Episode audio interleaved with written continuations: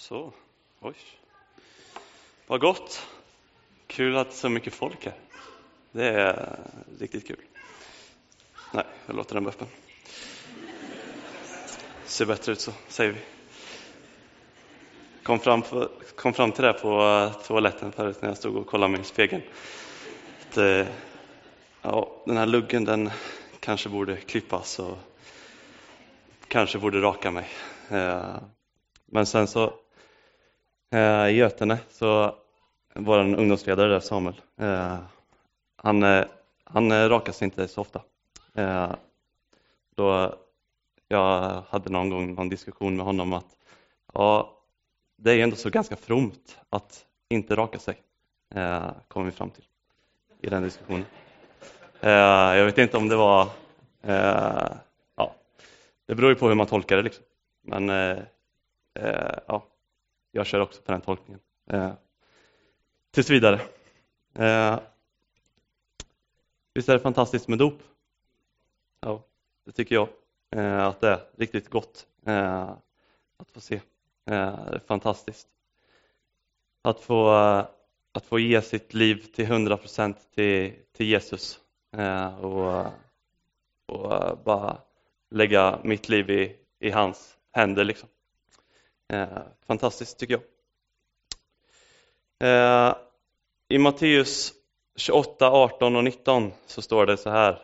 Eh, gå därför ut och gör alla folk till lärjungar, Döp dem i Faderns, Sonens och den helige Andens namn.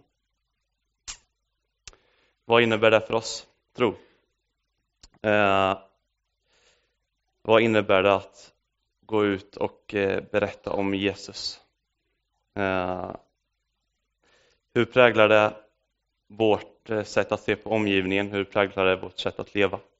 Eh, hur vi hanterar pengar, hur vi röstar, hur vi köper mat, eh, vad vi kör för bil, eh, ja, hur vi renoverar vårt hus, eh, hur vi köper, eh, ja, vad vi köper kläder eh, eller vem vi bjuder hem på middag.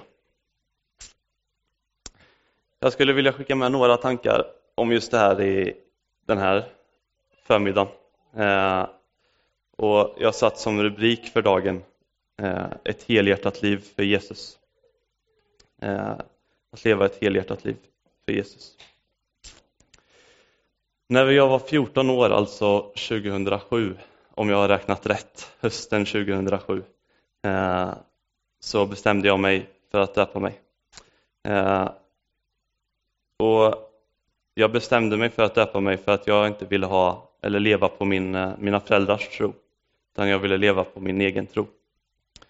Eh, och Sen den dagen har jag fått en eh, massa frågor om, eh, om att eh, hjälpa Gud och utbreda hans rike.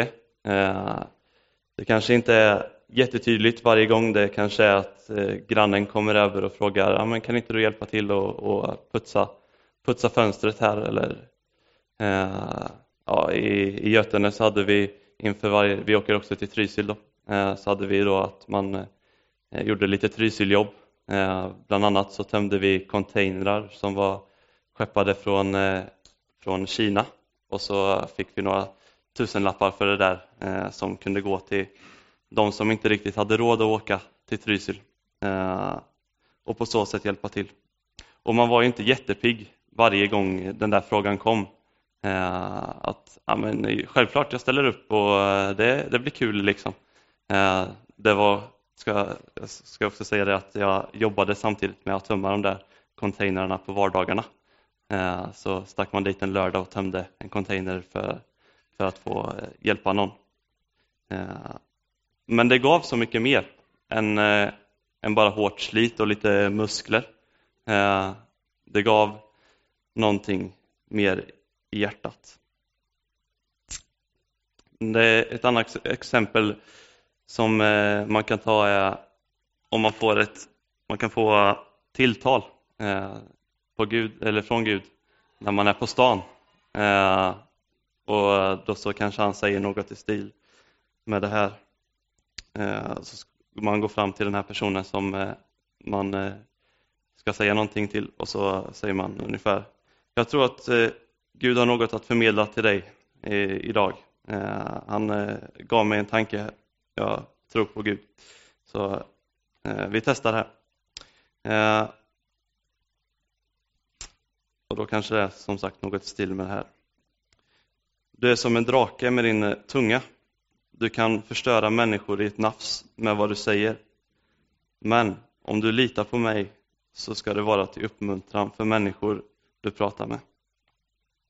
Kanske inte så, så eh, roligt att gå fram till någon man inte känner på stan och, och säga att eh, ja, du är som en drake eh, med din tunga. Du, du kan förstöra människor liksom med det.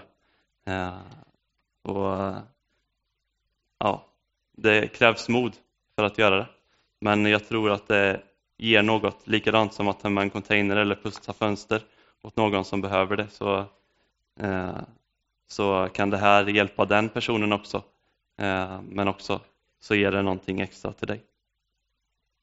Det kommer få betyda något extra, något enormt för dig och Guds rike här på jorden. Att leva helhjärtat tänker jag att leva varje dag, eh, hela dagen för Jesus, eller 24-7 som vi i ungdomskulturen säger. Jag tror inte att det är enkelt, men eh, jag tror att det är nödvändigt. Och enligt mig eh, så är det med ja, Jesus då, som eh, kapten som man ska kursa fram genom livet. För att, eller om man vill skapa en bättre värld så ska man göra det och lita på, på Gud.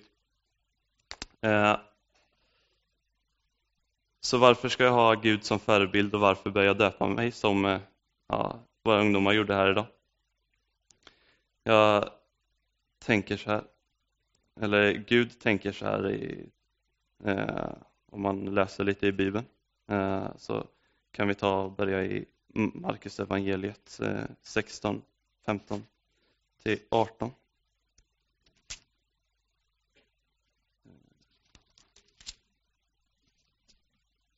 Markus 16, 15-18.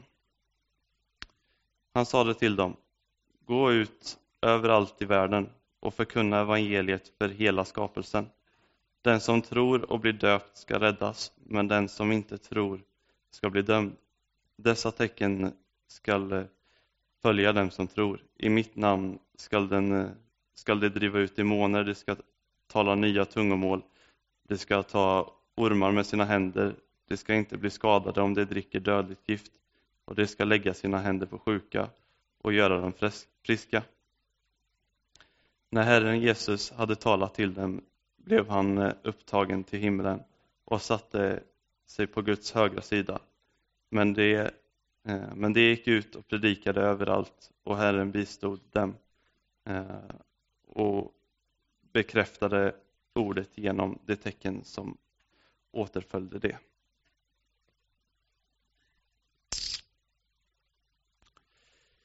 Dopet kan man tänka som ett bröllop. Eh, jag och Louise ska gifta oss nu i vår. Eh, det ska bli kul eh, och få säga att ja, men med Louise vill jag leva hela livet. Liksom. Och jag tänker att, att dopet är ungefär likadant. Fast man bekänner att man vill leva med Gud i en evighet. Man vill leva med Gud för alltid och lita på honom i alla situationer. Jesus uppmanar oss eh, som, takt, eh, som sagt till att döpa oss eh, för att få förlåtelse för det misstag som vi har gjort eh, tidigare i livet så att vi kan vända om med en eh, tydlig symbolisk handling eh, och gå ut starkare, eh, ja, eh, gå ut starkare utifrån det. Eh, så varför ska jag ha Jesus som förebild? Enligt mig så är det ganska enkelt. Eh, för att han bryr sig om det svaga i samhället mer än sig själv. Han är Guds son, han är felfri, vill oss alltid gott och har svar på frågor vi inte kan svara på. Jag tänker att vi måste börja förstå vad dopet handlar om, eller vad det innebär för oss som enskilda individer. Hur mycket det betyder för oss. Liksom. Det betyder ju allt. Tänk att Jesus har dött och uppstått för oss. Eh, på korset. Eh, och han, vill, han lägger hela sitt liv för oss. Och då att vi får lägga, att vi får döpas eh, och ge våra liv till honom, vilken bekräftelse och vilken, vilken symbolisk handling är inte det?